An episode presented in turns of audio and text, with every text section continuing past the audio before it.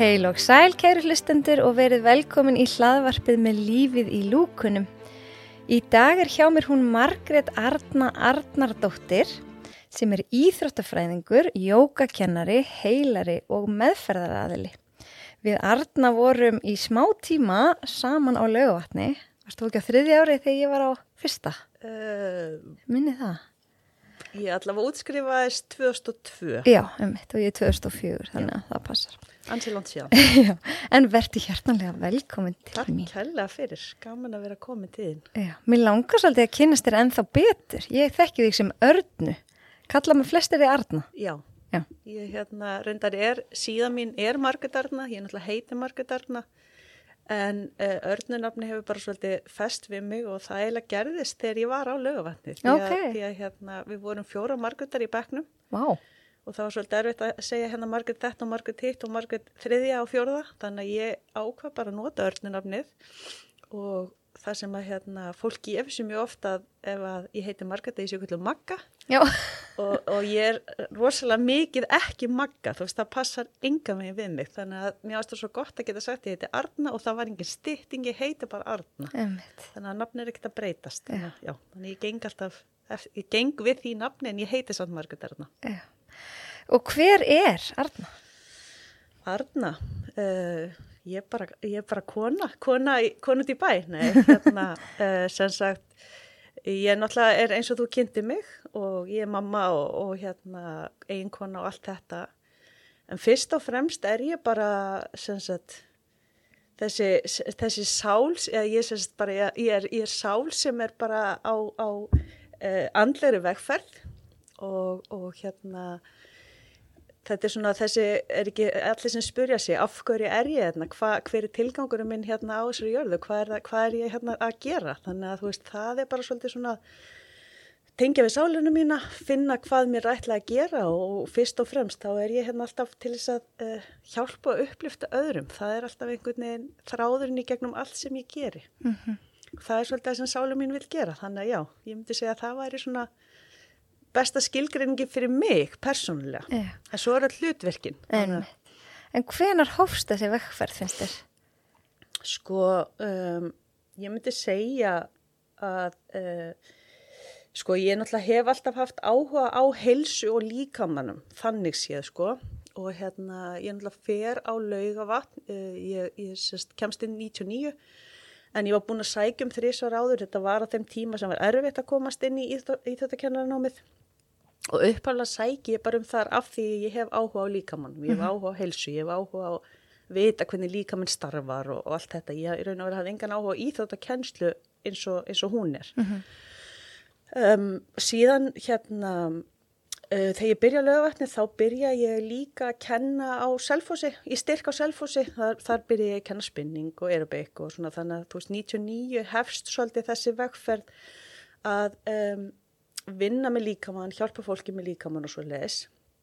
En ég myndi segja að veist þessi andlega vegferð kannski var ekki alveg að byrja strax og ég var nú eina þessum sem að held að jóka væri nú kannski bara ekki fyrir mig og ég gætt ekki slakað á og ég var þessi sem að bara ef ég ætti að í slökun þá fór ég að hlæja, ég fór að flissa, mér finnst það mjög erfitt, allt kjánalegt, allt asnalegt.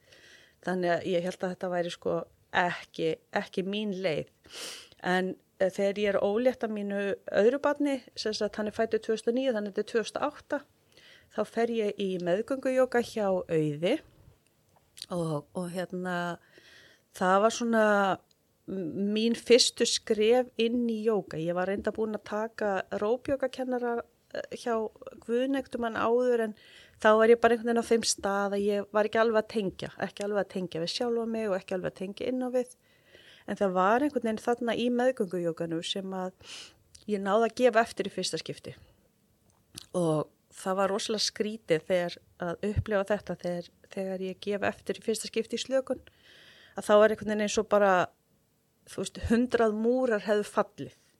Og ég grét rosa mikið og, og ég sá bara og fann hvað, hvað ég var með marga grímur, hvað ég var búin að byggja upp marga múra í kringum mig. Og það var nú kannski líka ástæðan fyrir því að það var svo erfitt að slaka. Það er að því að múrarnir eru svo margir, grímunar eru svo margar og það er svo erfitt að gefa eftir og þurfa að horfast í við sjálfan sig og bara sjá sjálfan sig. Það er bara alveg stórkostlega hérna, erfitt verkefni.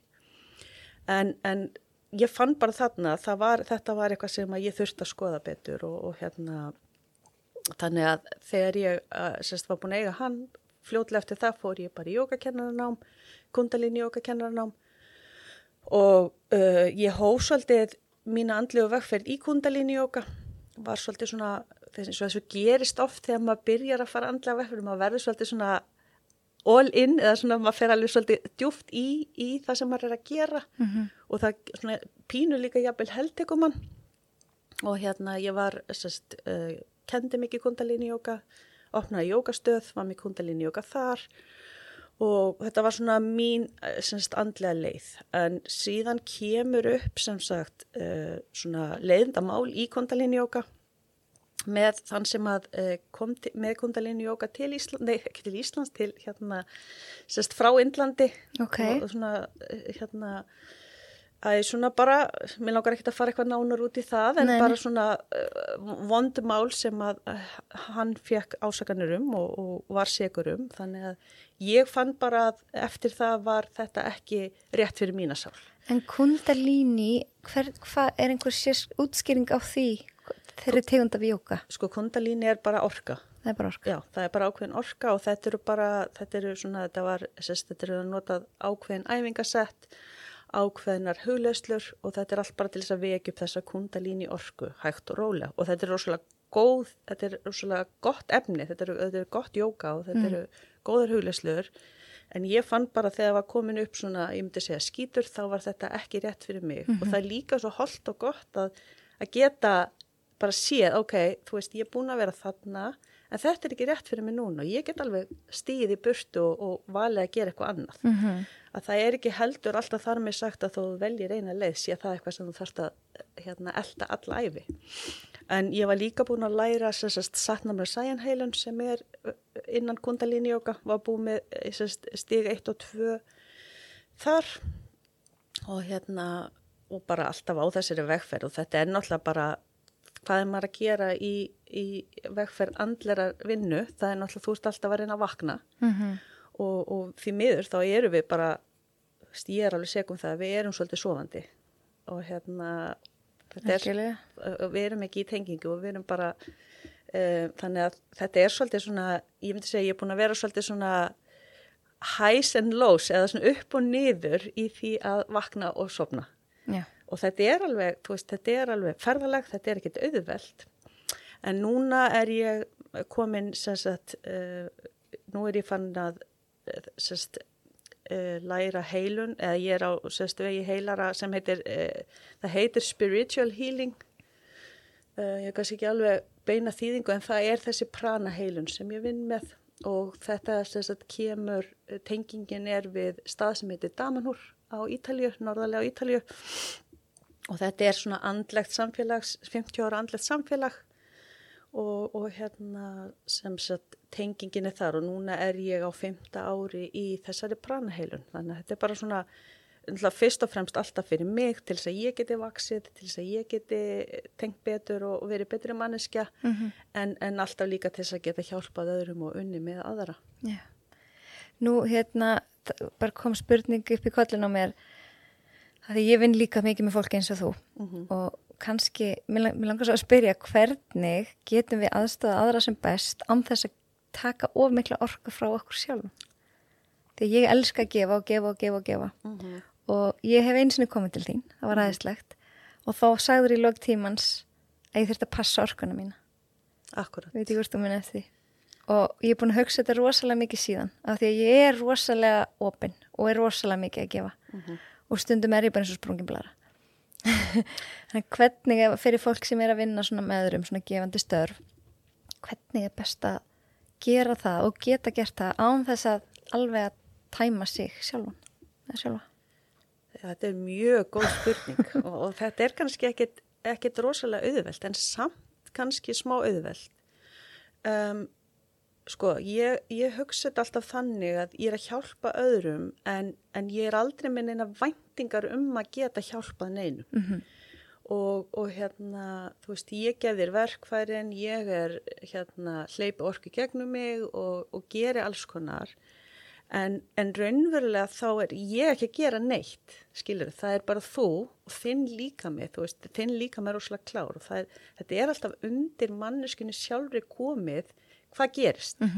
Og, og hérna, þannig að þá nægir svolítið svona að uh, ég, ég er ekki sérst, háð því sem gerist, ég er ekki háð úr útkominni og þú veist, þetta er bara eins og fólk spyr mig oft, getur, getur þú hjálpa mér eða getur báinn hjálpa mér? Og ég sé alltaf bara mögulega, ég veit ekki, ég get aldrei lofa því, því veist, þetta, það, er svo, það er svo margt sem spilar inn í, það er sagan þín, það er lífið þitt, hvað þú ert að gera, hvað þú ert að vinna, hvernig ert að reyfa þig, þú veist, hvernig ert að næra þig, hvernig tökjörfið, það er svo ótrúlega margt sem spilar inn í. Og ég get aldrei sagt bara, já, ég get hjálpa þér, Nei, vonandi, Mhm. en, en ég held að þetta sé svolítið svona að, að, að klippa á uh, þörfina fyrir góða útkomu. Að, að sem sagt uh, sem sagt, já, skilur hvað ég er að Já, meina algjörlega. já, algjörlega. En viltu kannski segja okkur aðeins frá hvaða þjónustu þú ert að bjóða upp og kannski skilgreina aðeins að því að nú ertu, þú ert búin að nefna prana og báin og alls konar. Mhm. Þannig að fólk skilja aðeins hvað, hérna, hvað er verið að vinna með. já, sko það sem ég er mm, núna mest að bjóða upp á er þessi báin bandveislósun og pranaheilun og, og ég líka sem sagt blanda þessu tvennu saman þá ger ég báin og svo enda ég að gera pranaheilun Er báin, er það bara tegund af bandvefslossun eða er, Já, Já. það er sérst, það er, kemur hérna frá uh, manni sem heitir Thomas Bowen frá, frá Ástralju og þetta er bara ákveðin röð hreyfinga og, og svo náttúrulega bara, þú veist, vinn ég með grunninn og svo náttúrulega bara blandast alls konar inn í sem að ég hef tilenga mér, þannig að þú veist, ég myndi ekki kalla þetta kannski svona ferkant eftir kassanum eins og báin á að vera Já. af því það er, ég nota innsæði til dæmis mjög mikið þegar að vinna og finn bara, ég fæ svona leiðbenningar með hvað, hvað er gott að gera. ég fór nefnilega á, á hérna námskeið, svona kennaranámskeið í bandvefslossun Já. fyrir nokkrum árum og mér fannst það geggjað, fyrir, sérstaklega fyrir sjálfa mig. Já, bæði mig sem íþróttakonu og bara sem fyrir, mig fyrir sko, hérna, þjálfara og fyrir mig bara sem íþróttakennara um, meðan þetta að gegja tól að hafa uh, að geta sko að skilja betur líkamann einhvern veginn ég, ég, já, veist, Já. við erum einhvern veginn ein held og bandurinn hefur svolítið verið bara glemtur Já, sko, það er, það er nefnilega akkurat þannig að sko bandvöðurinn er svona bara í raun og verið eins og net Mhm. sem að e, umlikur allt í líkamann og, og likur á milli allstaðar. Er utanum alla vöðva og beinin og fer inn í alla frumurnar og inn í, þú veist, utanum sínar og taugar og inn í meldingakerfið og þannig að þetta er bara svona eins og stórt net sem að tengir allt saman í líkamannum. Og það er ekkit rosalega langt síðan að, að það, fólk fór að gera sér grein fyrir mikilvægi band, bandvefsins og það var til dæmis þannig bara fyrir ekki svo mörgum ári síðan að þegar fólk var skorið upp þá var bandvefnum bara hendi í rusli. Akkurat, ég man eftir því, hún hekla Guðmunds var að segja þetta á námskeiðinu Já, og ég veit hún er reglulega með svona námskeið ef einhverja hlusta og hefur áhuga akkurat. þá hérna, er þetta eitthvað sem er bara gott fyrir alla Algjörlega. Og, og það er náttúrulega bara þannig að, að þetta gerir það að verkum að allt tengist í líkamannum. Og þú veist, ef þú ert með verk í öxlinni, þá er ekkit þar með sagt að það sé eitthvað að öxlina þér. Það getur verið eitthvað allt annað sem er að hrjá þig. Þannig að maður þarf alltaf að skoða líkamann sem eina heild. Og, og, og báinn hreyfingin, hún er svona mjúk, þetta er svona mjúk, hérna, mjúkt nutt, eða þú veist ekki einu svona nutt, þetta er bara svona mjúkar hreyfingar yfir, yfir hérna uh, líkamann og það sem gerist, það kemur svona eins og bylgja. Og ég get alveg fundið hvernig bylgjan hreyfist í líkamann, þú veist ég gerir hreyfing á bakinn og ég finn alveg hvernig hún víbrar og ég finn líka hvar hún stoppar. Mm. þannig að þú veist ég get séð, ok, hérna stoppar hreyfingin. Í þannig að vinna hér til þess að fá hreyfinguna til þess að, til þess að fá bylgjuna til þess að fara lengra. Og, og hérna þetta er náttúrulega bara orka sem losnar úr læðingi líkamannum og það sem gerist er að því að við erum að losa um það sem orkan stoppar, við erum að reyfa við þannig að allt geti tengst betur að þá sérst fel líka minn betur að vinna sjálfur. Það, bara, það er náttúrulega líkamenn okkar eins og ég segi alltaf, hann er, hann er svo klár, hann veit nákvæmlega hvað hann á að gera en af því að við erum svolítið svona stressuð að, að þá er líkamenn kannski ekki alltaf alveg í stakkbúin til þess að vinna eins og hann á að gera þannig að með svona meðferð þá hjálpum við líkamannum að fara sjálfur að vinna Svo er líka bara, við erum svolítið aftengt líkamannum. Já, Þú veist, við erum ekki hugur og, og líkamann er bara ótengt oft. Þa- og það er, það er það næsta sem að ég ætla að mynda að tala um að þetta, það taugakerfi skiptir svo miklu máli þarna og í bandvers meðferð þá er, er ég sérst vinn með fólk í parasympatíska taugakerfinu Já. Og taugakerfi okkar skiptist í tvent Sem er já. sympatíska taugakerfi og parasympatíska taugakerfið. Mér er stótt gott að tala um þetta bara þannig að fólk skilji hvað er hvað því að sefkerfi kannski segir mér ekkert ósað mikið en það er þetta sagt, eh, sympatíska taugakerfi er þetta hérna að- berjast eða flýja og, og endanum að frjósa sem er náttúrulega bara eh, til dæmis kulnun og hitt, parasympatíska taugakerfið er þetta að, að hérna sérst, kvíla og melta. Og það segir okkur náttúrulega rosa mikið að melta og kvíla ef við erum alltaf í sympatíska tögakerfinu þá er meltingin ekki að uh, virka rétt. Og það er nú búið að segja það nú er svo mikið að koma upp núna að, að aðal heilin okkar er í meltingunni. Einmitt. en, en þetta er bara langflestir eru svolítið fastir í þessu sympatíska tögakerfi sem er, er hérna berjast eða flýja.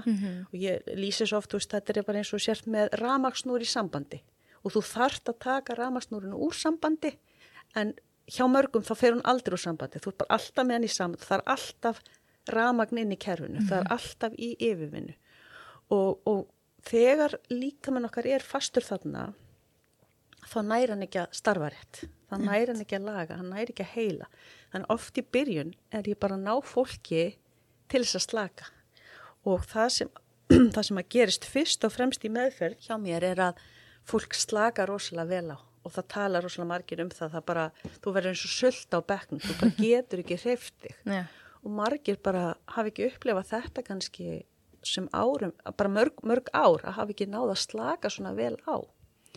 Þannig að þetta er sko að fá kerfi til þess að slaka á til þess að ég geti unnið af því að ef að líka menn sem, ef þess að taugakerfi ekki slagt þá geti ég ekkit unnið, þá getur líka menn ekkit unnið, því kemist ekkit inn. Það er allir veða stífir það, það, veist, það, er, það er allt bara fast. Þannig að já, þetta er svona helsta með, uh, með þessa bandvefslósun að síðan er pranaheilunin og uh, pranaheilunin sjálf tekur 11 mínútur og þá færi ég fólk af bekknum yfir í stól eða þú kemur bara í pranaheilun þá situr í stól. Ég kalli þetta pranastólin, þetta er nú bara svona hérna, stólur íkja en, en hérna, þú situr svolítið svona uh, pínlítið eins og í þú, hann, svona, hann er mjög djúpur og þú situr aðeins svona eins og sért í fósturstellingu, eins og þú ert fóstur í, í líkam og það er svolítið að fá þig til þess að uh, líka eftir þeirri reyfingu. Síðan sagt, notum við ákveðna öndun sem er prana öndun og, og hérna ég set hendur bara yfir höfuð á viðkomandi og það sem að gerist í prana, sko prana er lífsorka og prana er bara orka sem er í öllu, er allstaðar og þetta er bara, þetta er aðferð sem hefur verið notu frá upphafi mannkins, pranaheilun. Og ég er bara, sérst, er að hleypa gefa, sérst, ef þú er í heilun hjá mér þá er ég reyna bara að gefa þér aðgang að þessari orku og það sem að prana orkan gerir er að koma jafnvægi. Og hún kemur í jafnvægi, það er alltaf verið að tala um jú, heilsa er jafnvægi, andleri, líkamleri og allt þetta, heilsu. Allir að leita jafnvæginu. að leita jafnvæginu, en pranaheilun setur því í jafnvægi, þannig að þú veist bara þetta er eins og að fara bara á versta og fara í stillingu. Og hérna um, kemur öllum orku líkamunum jafnvægi, kemur jafnvægi áruna. Oft er eitthvað svona áran eitthvað svona gruggu eða það er eitthvað svona búið að setjast í áruna oft þarf að vinna með að reynsa áruna eða koma henni í betra jafnvægi. Og það sem er svo frábært er að, að, að pranaheilun vinnur inn í framtíðina og hvernig getur hann unni inn í framtíðina? Ofta erfitt að útskýrta fyrir fólki en það er svo gott að útskýrta með því að segjum að það er eitthvað svona eitthvað sem gerast í framtíðinni. Og að viðbörun er þannig að þú fáir sko risa stein í hausinn en með því að koma í prana reglulega og fá jafnvægi á öll kerfin þín að þá mingaru, það demparu viðbörðin. Þannig í staðan fyrir að fá grjóti í hausin þá færðu kannski bara smá sand eða sandkott. Þannig að viðbörðin verður ekki eins átekanlegur í lífinu þínu. Mm -hmm. Ég veit þetta hljóma svolítið svona að hmm, en, en, en þú veist, fólk hefur upplifað þetta og þetta er bara eitthvað svona...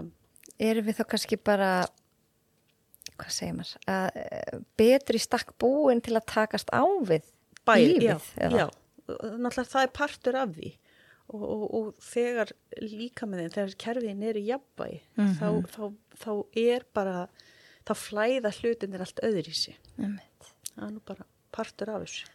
Þarf fólk að trúa til þess að þetta hjálpi, hafi áhrif? Ja. Þegar minnst margir bara hugsa heilun, hvað, það er ekkit áþreifanlegt og þá kannski trúa er ekki á að það gerir gagn. Sko, já og nei. Um, fólk hefur alveg komið og það trúir engu og fundi áhrifin um, þetta er bara það er ekki, það er ekki rétt svar við því mm. en, en auðvitað er alltaf betra að vera sagt, opinn fyrir öllu og það er sem ég segi í lífinu að veist, ég vil ekki loka á neina möguleika því að þú veist, hvað veit ég það er svo margt sem að er mögulegt sem ég veit ekki um, ég veit ekki allt, ég er mhm. bara einhver hérna, manneskja sem veit bara brota, brota, brota, brota því sem er í gangi í heiminum sko. Mm -hmm. Þannig að mm, jú það hjálpar en, en hérna þú veist auðvitað að því að við erum ekki við erum ekki droslega langt komin hérna í svona andlu málum og við erum svolítið svona við erum pínu færkvönduð myndi ég segja og, og mikill ótti oft sem að er og, og ég skil það alveg að þú veist eins og þegar ég fer fyrst til Damanhúr sem er svona uh, andlegur, andlegur staður og það er náttúrulega bara rosalega margt skrítið í þessum heimi og þú veist alls konar skrítni hluti sem eru gerðir og alls konar skrítni hluti sem eru notaðir. Getur þú nefnt eitthvað dæmi eða máttu það? Já, já, það er náttúrulega bara, þú veist, hvað er það að kalla þetta? Galdra. Okay. Að, hérna, að, að það er verið að vinna með alls konar svona, uh, hvað kalla maður, ritual, svona, uh mhm. -huh. það sem er verið að nota bara galdratæki og eitthvað svona sem að hérna hausin, hausin á mér fer strax og bara vákvæði skríti, þetta er astnald, þetta er ekki að virka og hérna bara en það sem að gerist er að ef ég leifi mér að fara úr höfðinu mm -hmm. bara í tilfinningarnar, í hjarta mitt þá finn ég bara, vá þetta er að virka og ég finn bara hvað gerist og ég finn hvað gerist innra með mér þannig að, þannig að með því að ég leifi mér að fara úr höfðinu og bara ég að finna hvað er rétt fyrir mig mm -hmm. að þá þarf ég ekki að vera að dæma eða, eða spá eða spöklir þá mm. bara leifi ég öll að einhvern veginn flæða. Þú veist, þetta er bara það er svo margt skríti sem að hérna, er svo frábært. Það er nú bara eins og með trúabröð veist, það er ekkit áþreifanlegt að það sé til einhver guð en Nei. það er margir sem trúa því og bara það að trúa því uh, veitir veljaðan og örgi og alls konar Akkurat. kannski eitthvað svipa Já, já og nei, nei. Veist, já, þetta er náttúrulega bara veginn, maður þarf bara að vera opinn fyrir, fyrir alls konar, alls konar orku og náttúrulega bara ég segi fyrir mitt leiti að ég hef ekki séð mig fara að vinna sem heilara fyrir, fyrir 20 árum síðan bara vegna þess hversu rosalega ég var búin að loka á allt sem að um, ég raunverulega var mér eðlislegt. Og, og ég sé náttúrulega bara í dag að þetta er náttúrulega bara algjörlega það sem ég á að vera að gera. Og þegar maður er að vinna sem heilari þá náttúrulega sér maður alls konar orku og finnur alls konar orku og það er, það er alls konar hluti sem koma og í byrjun átti ég mjög erfitt með að trúa söllu og hérna en því meira sem ég bara gef eftir og fer eftir því sem að mér er sagt og mér er leðbeint þá, þá því meira mm -hmm. uh, gerist í heiluninni og því meira fær fólk út úr því mm -hmm. Þannig að veist, ég þarf bara að treysta öllu þessu skrítna sem kemur til mín og, yeah. og fara eftir því og, hérna, og það hefur bara verið smá ferðala fyrir mig. En sem betur fyrir þá er ég komin á þann stað að ég, ég treysti þessum skilabóðum sem ég fæ. Yeah. Af hverju heldur það að hafa verið svona lokuð fyrir þessu og flissað í slökuninni og svona, eh, heldur þetta komið alltaf úr æsku hjá okkur eða? Já, ég sko ég held að þetta sé partur af, þú veist, þetta náttúrulega kemur sjálfsögur, þú veist, æs, æsku. Um, ég trúi því að, að sálinn, þú veist, þú kemur alltaf hingað inn í líkama með eitthvað ákveðin, eitthvað ákveðin hlutverk og það er eitthvað sem að þú þér er ætlað að gera í þessu lífi. Annars væru við ekki alltaf leitandi að þessu hvað hva, hva er, hva er til hvers er ætlast að mér. Mhm. en bæði sko uh, af því að svo eigum við foreldra og við fyrum í skóla og samfélagin alltaf bara mótar okkur og segir okkur að við erum að hegða okkur á hvern hátt. Og, og við sjáum það bara svo vel í dag. Ég minna að þú veist þegar við vorum börn fyrir mörgum árum síðan þá var samfélagið að taka allt öðris á móti uh, krökkun sem að passu ekki inn í hennan ferkantaða kassa. Og í dag sjáum við bara alls konar einstaklingar sem er ekkit að passa inn í þetta ferkantaða mót. Og við erum sem betur fyrir að tækla þess að krakka allt öðri sig Já, og, að blómstra. já, og, og, og reynum okkar best að gefa þeim færi á að uh, vera öðri sig og sjá hlutina öðri sig og ég held að partur af því hafi verið að uh, uh, ég var, var öðri sig og en, en aðstæðu mína voru bara þannig að ég þurfti að gera það, þú veist, ég þurfti að loka og ég þurfti að gera það sem ég gerði til þess að lifa af. Og þetta var bara partur af minni vegferð og, og kannski líka gerir það mig að betri því sem ég er að gera í dag af því ég hef skilning á, á alls konar hlutum. Og, og líka þegar ég var 12 ára lendi í einaldi og hérna það satt í mér alveg rosalega lengi Eh, það, þetta, er alveg, þetta er alveg ótrúlega upplifun að lendi í einaldi og það sem að ég áttaði mig á fyrir sko ekkert svo mörgum árum síðan ég meina það eru hvað ég er 12 ára og ég er 47 ára í dag þannig að hérna, þetta er ansi mörg ár en hvað ég var að rógast með bara svona eins og stóran baboka af skömm Ok. ég skammaðist mér svo rosalega fyrir að vera lögð í einhelti Mhm. og, og þú veist, ég sagði bara, vá, í alvörunni, af hverju er ég skammast mín fyrir það? Já. Ég var bara krakki og hérna, þú veist, ég held að það sé svo margt svona sem að við lendum í og við upplifum og við bara lokum af því að það bara hendar ekkert að sjá það eða takast á við það og hérna öll höfum við alls konar upplifanir í, í bábókanum. Ég meina, við erum bara, þú veist, við erum að lifa lífinu og það gerist bara alls konar og, og hérna, allt sest þetta í líkamann okkar, við þjöppum þessu inn, þetta sest í meldinguna, veist, það, það er svo margt sem að um, gengur á sér lífi. Algjörlega. Ég, ég var fyrir einelti bara á fullanvæðsaldri Já, og það er, sko, ég er ekki, kannski upplega ekki skömm að því að maður var kannski komið með þróskan öðru sem barn, en maður samt, sko, þetta er einhver svona áfallastreita sem maður verður fyrir og maður átta sig ekki á því fyrir en einhver segir manni það. það er alveg rétt. Þetta er rosalega skrítið og það situr svo í manni. Það er nefnilega og þetta er, auðvitað er þetta áfall. Því að það er, það er einhvern veginn uh, gengið á bara allar þínar varnir.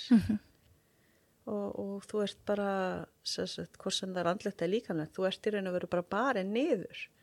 Og þér er bara sagt að þú ert einskins virði eða...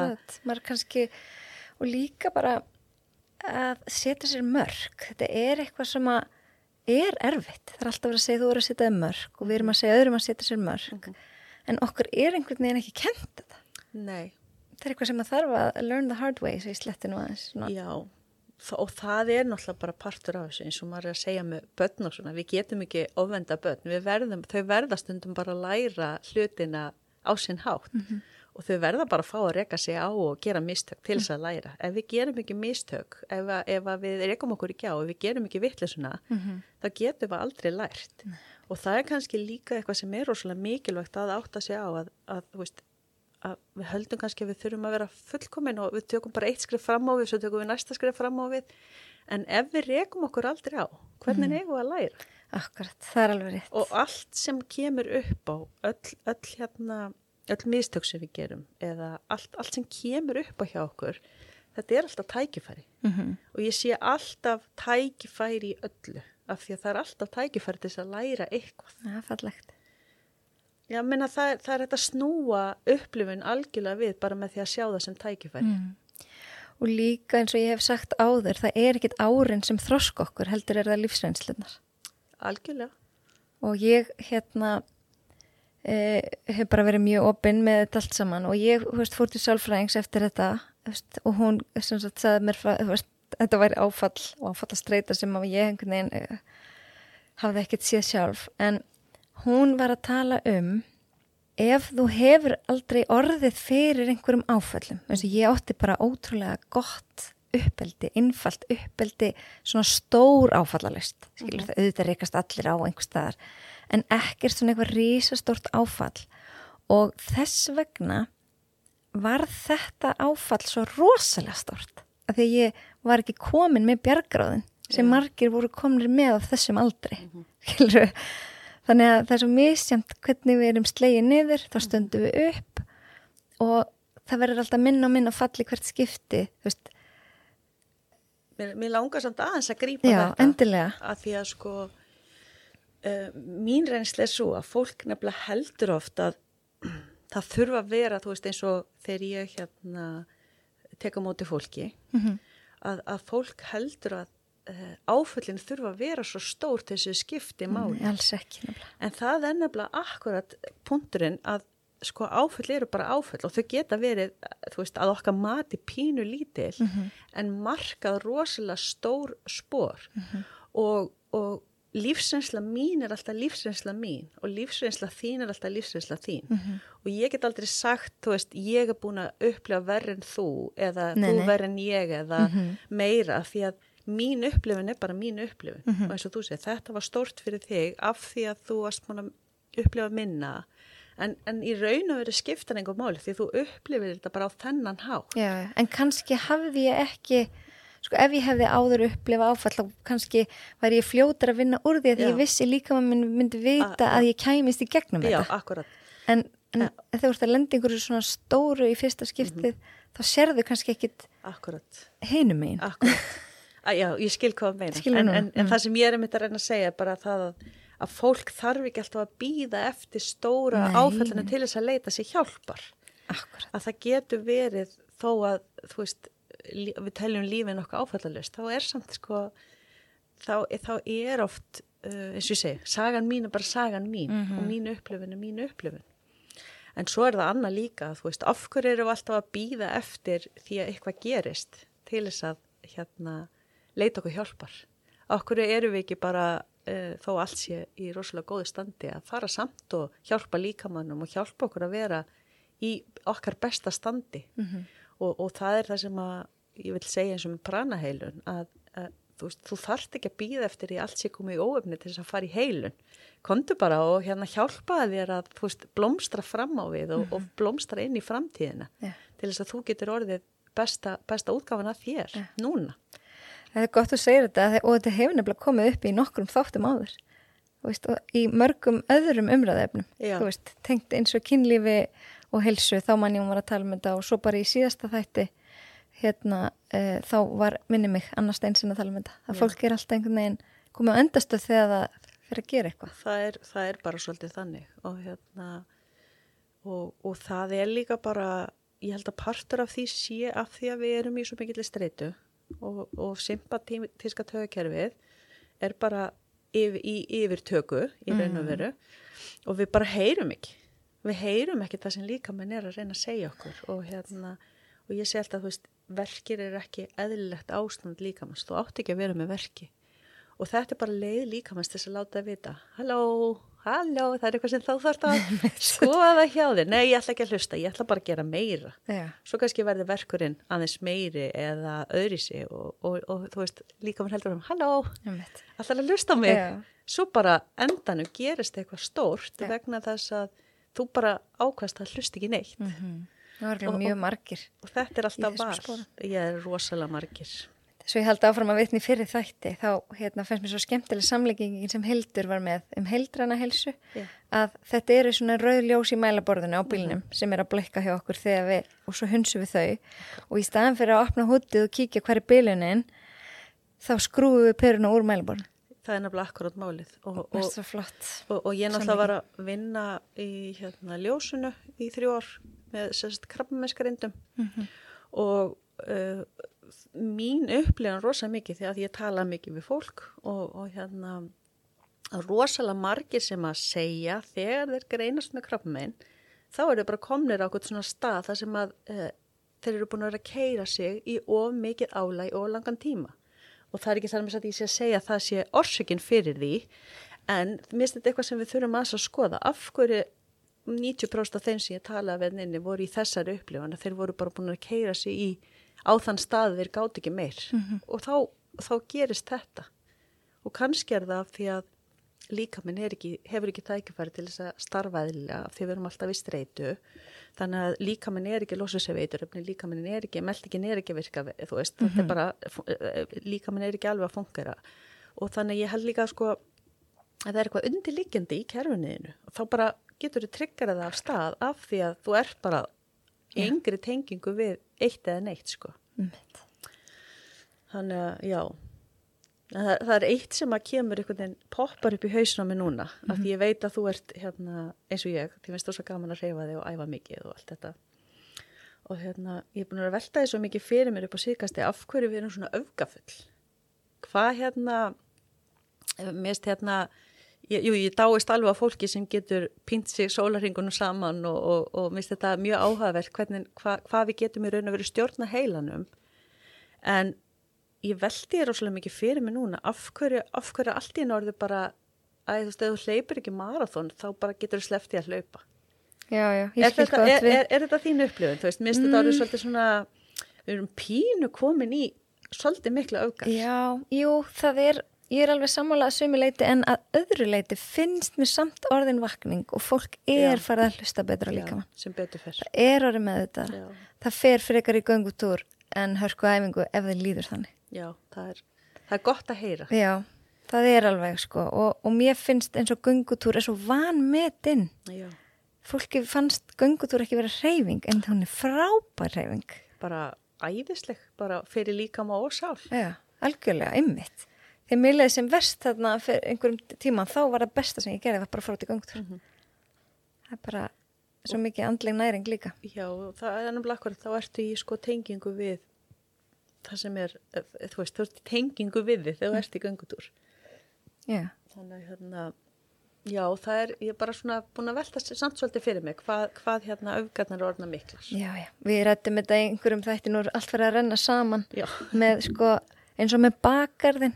Mhm. Þú veist, það er svo geggjað að fólk sé að taka þátt í bakarðunum og, og skora á sig Já. en, en fólk gerir lítið úr sér fyrir að hlaupa bara þrjá ringi en það er hálft marathon. það er það sem ég er að meina Veist, sko, en að það, þar er komin smá svona pínu svona skekkja já, það er það, það er það sem ég er að segja, Já. já. það er þessi skekkja einmitt, af því að þú veist það er alveg rosalega flottur árangur Jú, ég er ekki að gera lítið úr fólkinu, íþróttafólkinu sem er Nei. að standa sig vel í því Nei, nei, en fyrir almenning er svo mikilvægt að þeir almenningu líti ekki á þetta eins og þú segir, frekar bara að sleppa því já.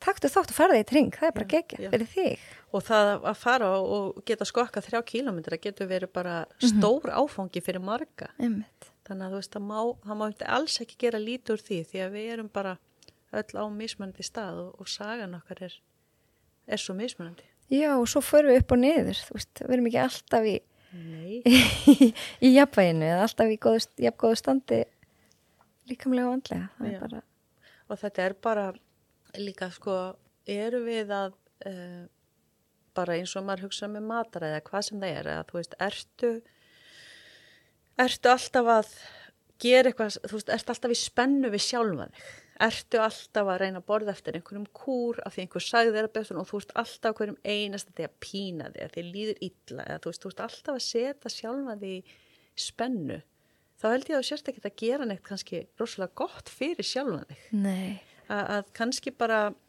aðeins að staldra við og, og finna, þú veist, er þetta að gera mig gott? Akkurat. Eða er mér að líða vel að þessu? Eða er ég bara, þú veist, er ég kannski bara komin að okkur algjöra villingötu með sjálfum mig? Já. Með svo flott orð sem einn sem var hjá mér í hilsumarþjálun, hún sagði að hún var alltaf með matviskubitt. Já, akkurat. Og meðan þetta er svo flott orð að því að þetta er svo rétt. Og, og ég, mér finnst ég bara svona síðustu árum hafa þroskast með þetta. Að því að ég hef alveg hérna, nefnt það áður að ef, að, ef það eru með allt og marga bolt á lofti, þá er mataræði mitt það fyrsta sem ég missi. Og ég, það er bara eitthvað sem ég þarf að vinna í og er að vinna í. En en hérna að ég er hægt að vera með þetta matviskubit, ég bara síni mig mildi, þetta er bara tímabil, ég veit að ég kemst aftur upp úr hólunni innan gæsa lappa skiluru bara, við tökum bara eitt dag einu sko. og svo er svo bara svo mikilvægt að muna það er bara, þú veist, það eru til alls konar aðferðis og alls konar, þú veist, það er ekki, ef, við, ef það væri ein aðferð sem að leisti allt, þá væru við komin, þá væru við að nota það, skilu, ef það væri til ein aðferð að borða sem að myndi leysa allt, þá væru við að borða þannig, þú veist, ég meina, þetta er bara, þú veist, það er ekki til ein aðferða öndun sem er best fyrir allt, skilur, það bara andaðu, það er gott að anda, Einmitt. og hérna, uh, borðaðu næringu sem nærir þig, veist, það er, er svona, einmitt, þetta er bara, það er ekki ein lausn og það er mismöndi hvað virkar fyrir hvern og einn, en líkillin er bara svolítið að, einmitt, fara inn á við og finna og heyra, veist, hvað er þetta að virka fyrir mig? Er ég að gera þetta fyrir mig, er ég að gera þetta fyrir einhvern annan? Er þetta að gera líka á mér gott? Þú veist, er ég að fá orku eða er þetta að draga úr mér orku? Og líka bara fólki sem er í kringum okkur, þú veist, er fólki í kringum að næra mig? Er það að draga úr mér orku? Þú veist, bara sama hvar við erum, að við séum í tengingu við okkur sjálf og, og séum að hlusta, þú veist, bara hvað hva, hva er þetta að gera fyrir mig? Einmitt. Það er hérna, ég held bara því miður þá er, eins og vorum að segja hann, það er svo mikil, það vantar svo mikil þessa tengingu já, fólk er kannski að reyna að hlusta á líkamann Mhm. og hugan en það hefur bara ekki getuna við erum bara pínu sofandi. Já, og hva, hvað ráðlegu þú? Hvernig, hvað getur fólk gert til að byrja? Tengjast sjálfum sér. Sko, ég myndi segja að ef þú vilt skyndilausn, andaðu í 11 mínútur á dag. Það er bara sestu niður með sjálfum þér og andaðu. Bara meðvituð öndun. Meðvitað öndun. Mhm. Byrjað þar og hérna, öndunin er líkillin að lífinu. Þú veist, ef þú hættir anda, þá lífið búið. Já. Það er bara þannig. Þegar þú drefa síðast andratinn þá, þá ertu farin. Þannig að sko,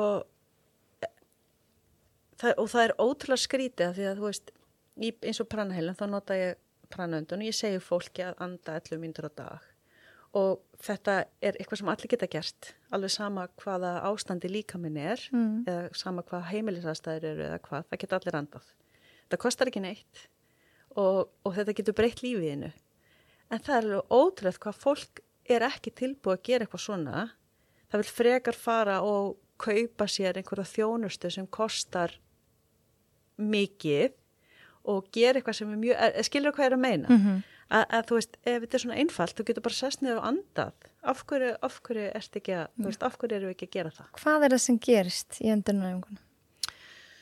sko, uh, það sem að uh, gerist er náttúrulega bara þú ert að róa uh, tögakerfið og þú ert að sagt, uh, róa hugan af því að þú þú eins og við til dæmis nota talning og öndunina til þess að hjálpa huganum að róast Ég er mynd með eina öndunaröfingu inn á já, hlaðvarpinu. akkurat, akkurat og, Ef fólk vil hlusta. Já, og það er sko, uh, það, fólk heldur ofta að það geti stoppað hugan, það er ekki hægt að stoppa hugan. Veist, það er, það er, það er stanslöst, en þú getur komist inn fyrir skvaldrið, þú veist, hægt að heyra bara hérna bla bla bla hvað er í matinn og hvað er að gera þú veist, hérna.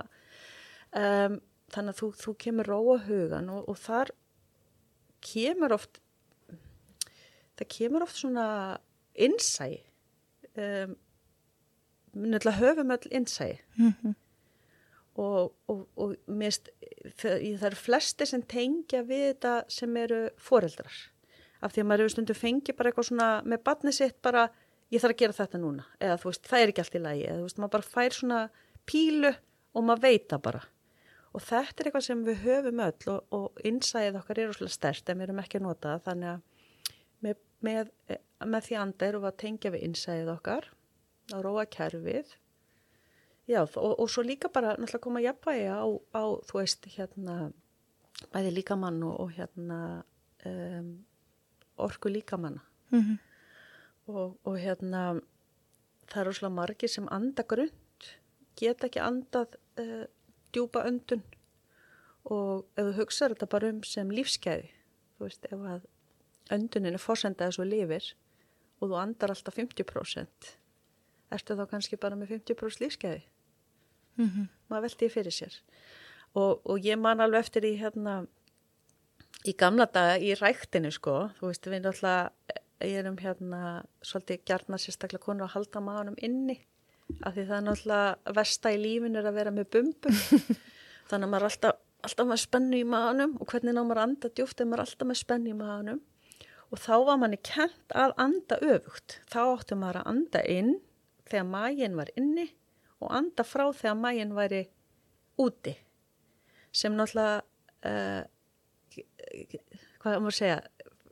Það er svo það, er svo, það meikar engar sens þannig Nei. ég sletta því ég finn ekkit annað orð núna. mm -hmm. af því að þegar þú andar að þá erst að búið til pláss í líkamann þá er líkamann að þennjast út. Og þegar þú andar frá þá er líkamann að dragast saman og, og, hérna, og þú ert að reyna að tæma alveg þannig að þú ert að losa líkamann við öll úrgangsefnin. Og það eru svo gott bara þú veist, það er of gott að byrja liggjandi af því þá er maður slakari. Og ég segi fólk oft bara setja hendurnar á, á magan eða á bakið eða einhvers starfinn á rifbeinin eða eitthvað að finna, þú veist, er líka að minna þennjast út. Og fólk fær oft bara í, í byrjun eins og sé að kapna það bara, þetta er svo erfitt og þetta verður svo þvingað og það, það er svo erfitt að ná önduninni inn, þú veist, ég var alveg þarna sjálf að því við erum vöndi að anda svo, svo grund og þetta er bara eins og öll önnu líkastjálfun, það þarf bara æfit vöðvarnir þurfa æfingu, þindin þarf að vera í æfingu og bara byrja með lítið og Mm. auka svo við eins og með aðra æfingu. Rosa margir fara að geispa. Já, nefnendur hérna í jóka, við tökum oft öndunaræfingar það tekið eftir að fara alltaf helmingurinn að geispa. Já, sko það sem að hérna, að því að sumi segja það að geispa sér synd ég segja að geispa sér svo frábært og, og það sem að hérna það er þessi hérna vakustög sem er svo mikið talað um núna flökkutögin sem er stæðsta tög lík, líkamans heila tög og uh, það er hún sem stjórnar parasympatíska tögkerfinu þannig að ef hún er ekki að virka rétt þá erum við, þess þegar við erum í sympatíska tögkerfinu þá er hún ekki að virka rétt. En það að geispa þýðir það að þú ert að kveikja á parasympatíska tögkerfinu að vakustögin er að, að því hún fer hérna uppi og þannig að bæði það að geispa og andvarpa það er, það er góð vísbending um að, að þú sérst að svissa um Einmitt. Þannig að það er ástæðan fyrir að margi byrja að geispa þegar byrja að anda af því að þeir eru að ná að svissa tögakerfunu. Ok, Þannig að áhugavert það að geispa er mjög, uh, hvað ég segja, mjög jákvætt myndi Ok. ég segja. Það er ekki dónalegt. Nei, nei, guð, ég, heimitt, ég hef aldrei hugsaði þannig og að dæsa, mér finnst það svo geggjað Já. bara þú veist, að fólki heima hjá mér veit alveg ég er ekkert pyrruð þátt í dæsi þetta er bara eitthvað svona Og þetta þannig er svo gott þú ert að virkja vakustögina með því að dæsa. mm. Þannig að þú veist eins og því er að kenna jóka og svona, þá segir fólk oft svona, æmi, það gera þetta svona, þá er þetta hérna kveikja á vakustöginni. Mhm.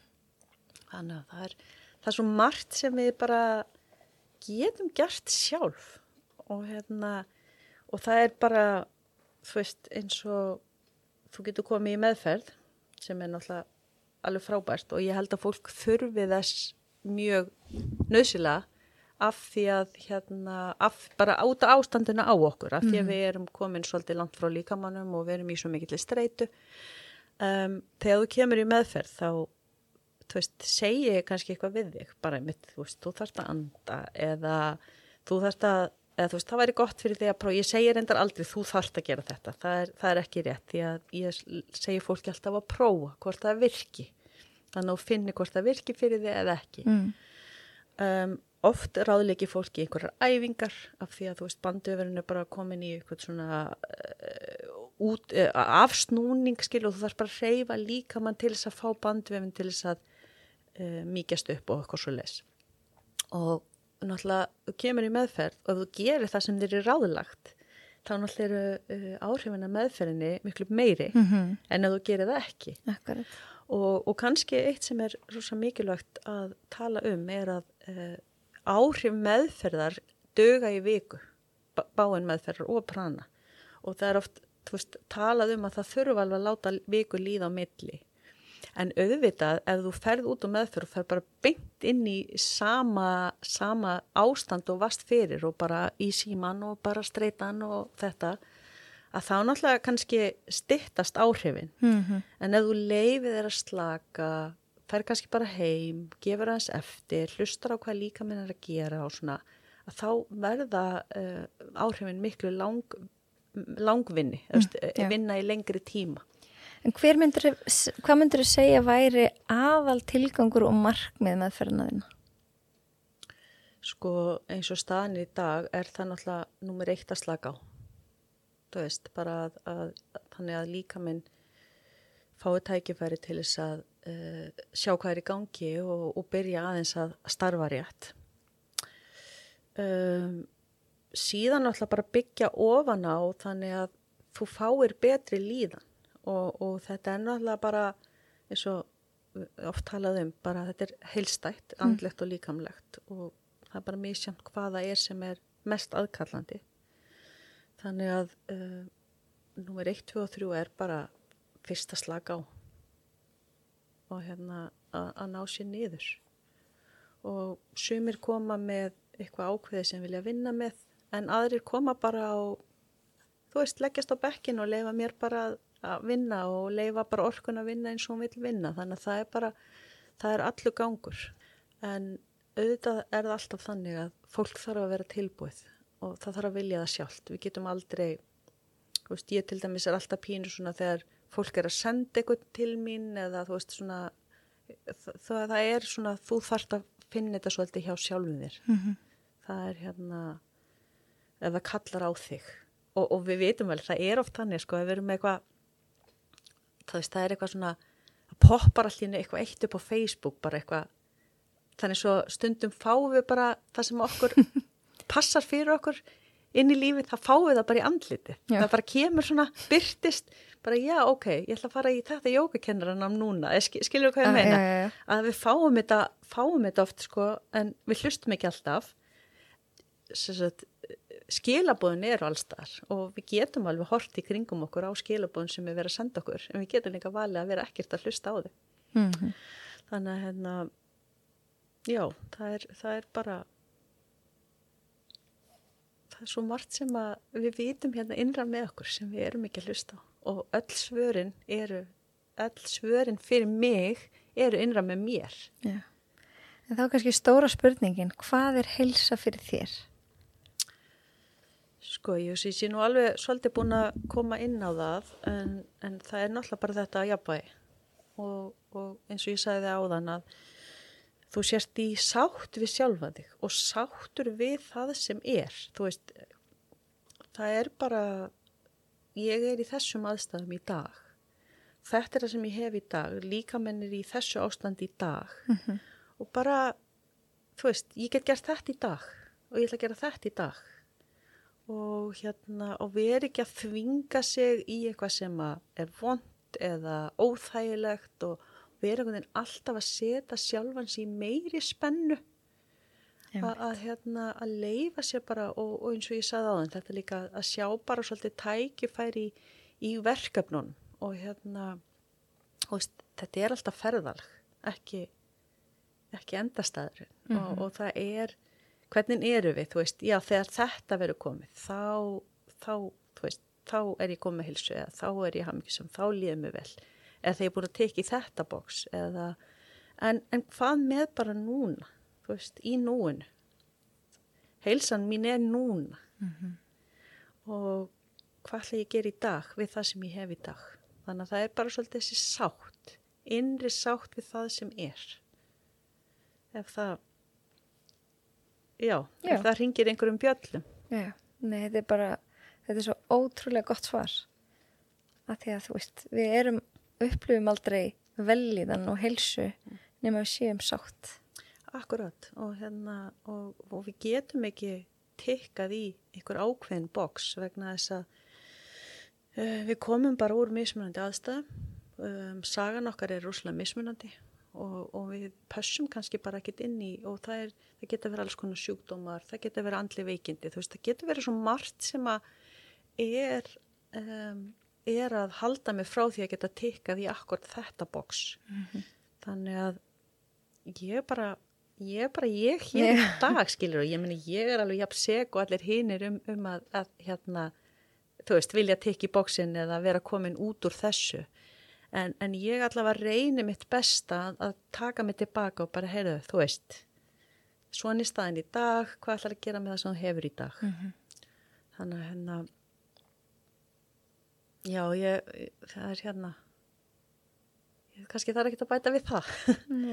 En hérna En ég, sé, ég sá að heimasíðinni, ég kíkti á hana áður en áður og komst til mín, eh, margretarna.is og sá ég að þú ert líka farin að vinna með börnum, eða vinna með börn. Já, ég geri hérna, sko, báin, uh, báin virkar rosalega vel fyrir börn og ég sjálf fór með strákjum minn í báin þegar hann var pínu lítill, hann var búin að vera með eirnabólgu, hann var nátt að fara á fymta síklarlega vekkurinn þegar hann var tveggja vegna, þegar ég sagði stopp, ég ætla að prófa annað. Wow. Og ég fór með hann í báin og, og homopatíu og hann bara daginn eftir og hann góður.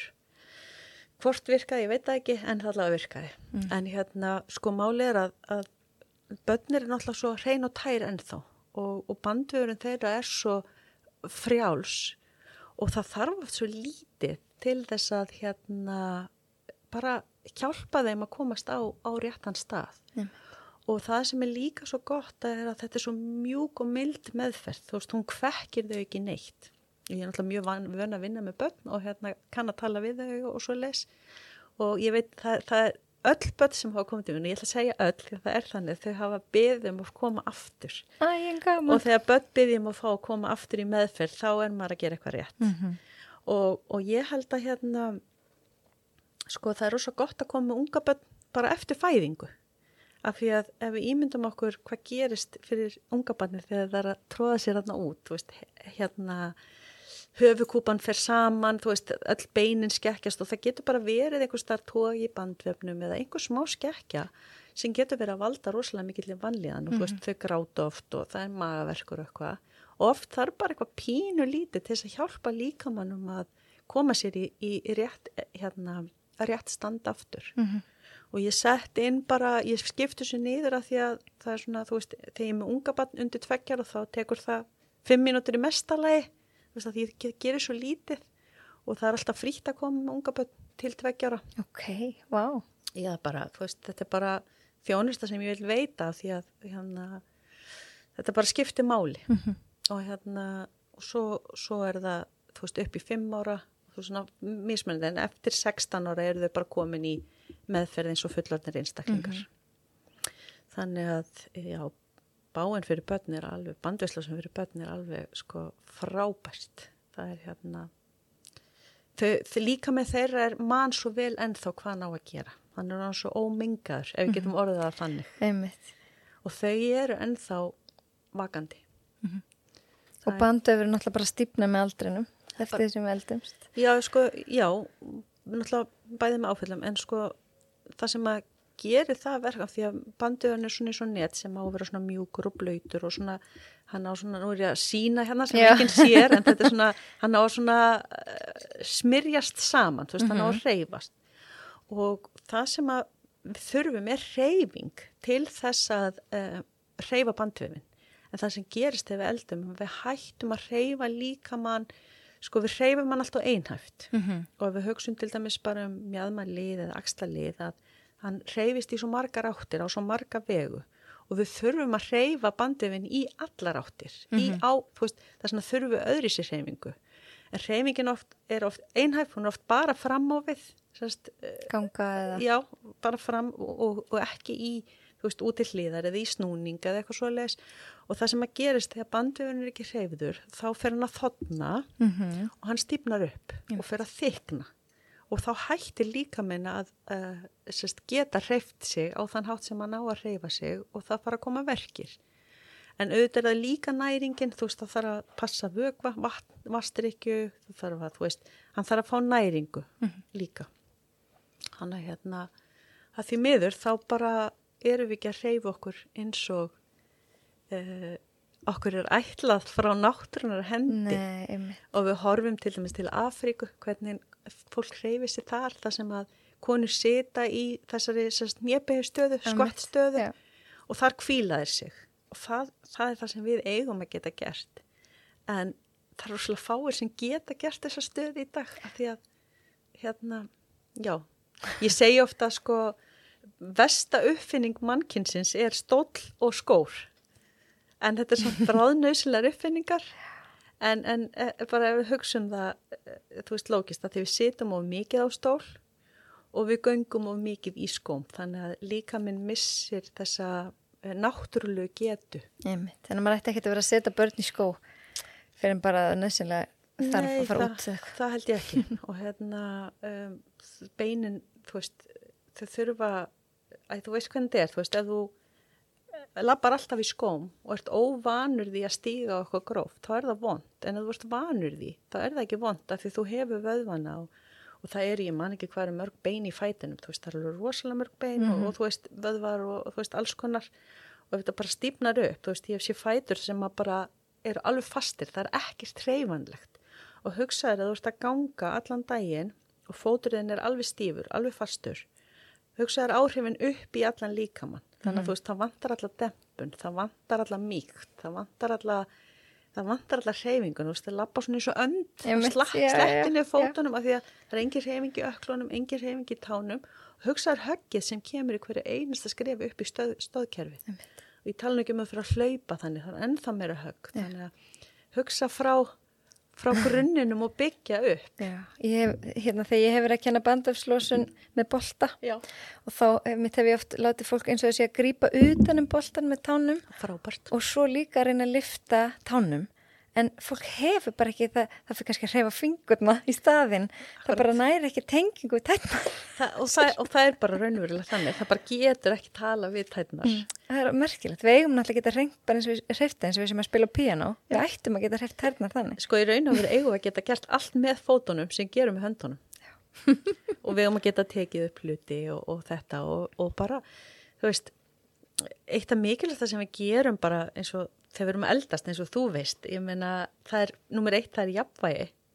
Og svo bara þessi eðlilega hreyfi geta geta sessnir á gólf og staðið upp. Já, og að geta byggt sig eftir hlutum og geta tekið upp hluti með fótunum eða höndunum, Já. bara gera þessa hluti, þú veist, hafði það æfinguna þína all lífið að setjast nýra gólf og standa upp, allavega einu svona dag. Já.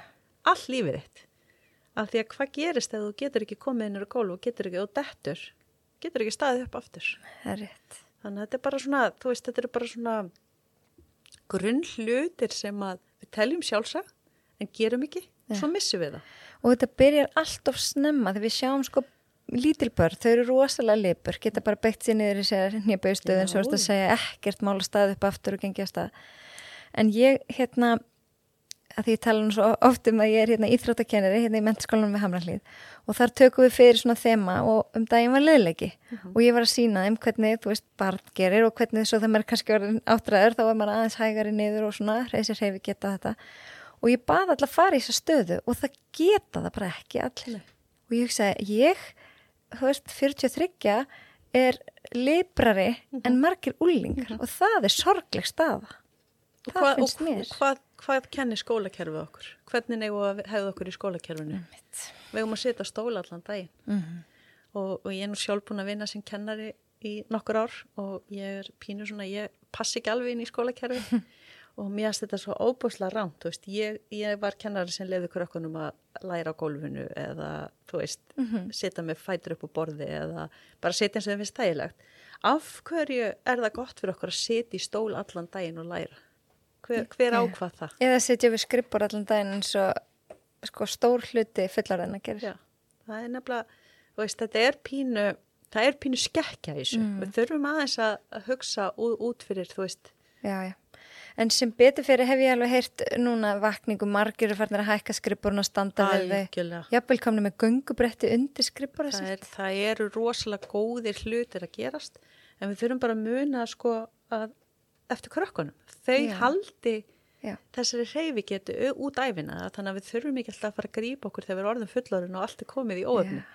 Að að reyna að hjálpa krökkunum að, að reyfa sig eins og þú veist þannig að þau getur bara viðhaldið því að geta bara Já. farið niður í skvattið og allt þetta. maður ætti kannski að tala bara við allir íþróttafélag og byggja þau um að sko hafa upphytunina þannig að það séu bara mikið að leikjum fari í þú veist kongulógöngu og abagöngu og allt þetta þú veist sem að ég held að sé þú veist, ég held að sé og, og það var hérna þegar, þegar Primal kom Einar Karl og, og þeir, þeir sem eru að gera rosa náttúrulega góða vinna rosa mikið með þetta. Vinnum með þetta en þá var þetta rosa nýtt þú veist, þetta var svona en þú veist, eftir að það byrja þá er fólk held ég meira að átta sig á mikilvægi þessa, þessa hérna hluta. Já, bara fyrir lífsgæði líka. Já, bara þú veist það að hreyfa líka mann öðri sig. Að, hérna, þannig að það þarf alltaf svona fólk til þess að koma með nýja hluti til þess að, til þess að við skiljum. Það er svo, það er svo frábært. Já.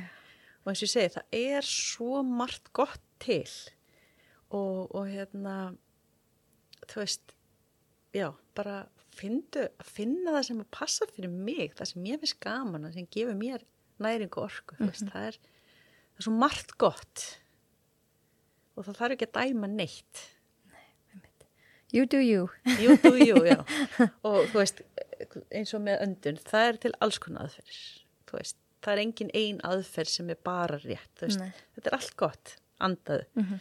Með mataræði, þú veist, það er engin ein aðferð sem bara virkar, skilu. Þetta er allt gott, fyndu þín aðferð. Sama með reyfingu, mm veist, fyndu bara sem er skemmtilegt. Þannig að, veist, það, það, þetta er bara, það er svo margt gott. Já. Við erum búin að eiga alveg geggja spjall. Mér langar bara að nefna eitt í lokin. Mm. -hmm. bæði á Instagraminuðinu og heimisíðinu þá ertu með fimm atriði. Já. Heilbreyði, reyfigeta, verkjalósun, hamingja og lífsgæði. Mhm. Eru þetta svona mottóin sem þú vinnur Já. með eða vinnur að eða hvernig sem? Já. Þetta er svona þráðurinn í gegnum allt sem ég, sem ég geri. En Hamingjan er hérna eitthvað sem við erum kannski ekki búin að hérna, ræða mikið um en hún er þá afleðing Sko, ég held að, þú veist, hamingi og lífskeiði séu svolítið, þú veist, hérna, afleðinga hinnum þremi þáttunum. mm -hmm. Og, og hérna, það eru lífskeiði að geta hreift sig í eigin líkama. Það er lífskeiði að vera verkalaus. Það eru lífskeiði að uh, þekkja líkamann sinn og þekkja mörkin sín. Þannig að, þú veist, og svo, svo kemur náttúrulega, uh, þú spurði náttúrulega um daginn hvað, hvað hamingja væri uh, fyrir fólk og það, ég sá að það koma alls konar svör og þetta er náttúrulega, þetta er rosalega stórt hugtak, hamingja, þú veist, hvað, hvað er hamingja? Og hérna, Þetta var sannst á Instagraminu mínu fyrir fólk sem að veit ekki hvað er maður að tala um en það komi ótrúlega mismunandi og skemmtileg svör. og, og hérna, sko, ég held að uh, eins og hann hérna, meistari Dalai Lama segir alltaf að kærleikurinn er svari við öllu. Og ef við gætum elskað meira, að sko þá er ég að tala um bara þú veist, á þennan óeigin gjarna hátt sem að sem sagt, þú veist, er bara að elska alla eins og þeir eru þú veist, og geta bara, þú veist, ef heimurum væri þannig, Mhm. hvað, hvað allt þú veist, ég held að svarið sé svo oft í því að hafa meiri kærleika gagvað sjálfum sér og öðrum Mhm. og, og þá kemur meira umbyrðalindi þú veist, þetta er, en þetta er bara, þú veist, ég á rosalega langt í land því að þetta er bara ótrúlega erfitt að hérna, ég skoða þetta rosalega mikið dagstæli á mér og hérna þetta er ekki auðvöld Minkar hjá manni fordóma líklega.